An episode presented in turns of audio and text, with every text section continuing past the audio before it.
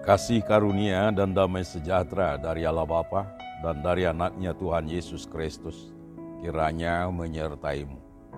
Amin. Sahabat rohani, firman Tuhan hari ini bagi kita tertulis dalam kitab Mazmur pasal 145 ayat 18. Demikian firman Tuhan. Tuhan dekat pada setiap orang yang berseru kepadanya. Pada setiap orang yang berseru kepadanya dalam kesetiaan. Pengalaman hidup pemazmur bahwa Tuhan itu sungguh dekat kepada dirinya. Itulah yang dinyatakan pada firman ini. Ketika pemazmur menghadapi segala pergumulan hidupnya. Dia berseru kepada Tuhan dan menyerahkan pergumulannya kepada Tuhan. Dan dengan seruan itu, Tuhan mendengar dan menjawab seruan daripada pemazmur ini. Sehingga pemazmur diselamatkan oleh Tuhan dari pergumulannya, dari musuh-musuhnya yang menginginkan nyawanya.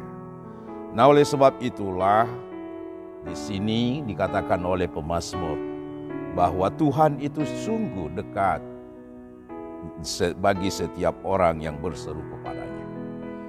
Dan kedekatan Tuhan Allah bagi setiap orang yang berseru kepadanya, yaitu memberi jawaban, memberi suatu tindakan untuk menyelamatkan, untuk membebaskan seseorang itu dari pergumulannya.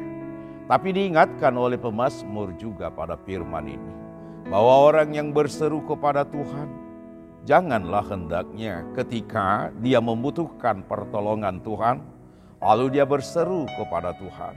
Tetapi ketika dia sudah bebas dari pergumulannya, maka dia mengabaikan Tuhan atau melupakan Tuhan dalam hidupnya. Itu pertanda ketidaksetiaan.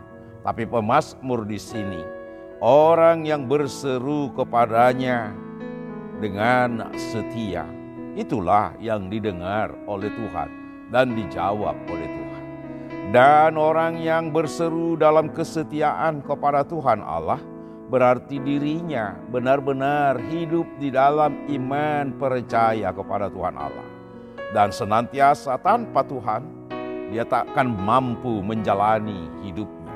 Tanpa Tuhan, dia tidak akan sanggup menghadapi segala tantangan.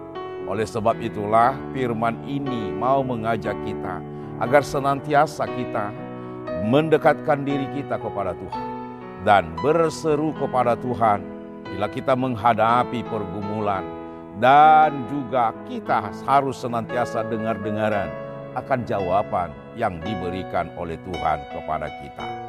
Amin.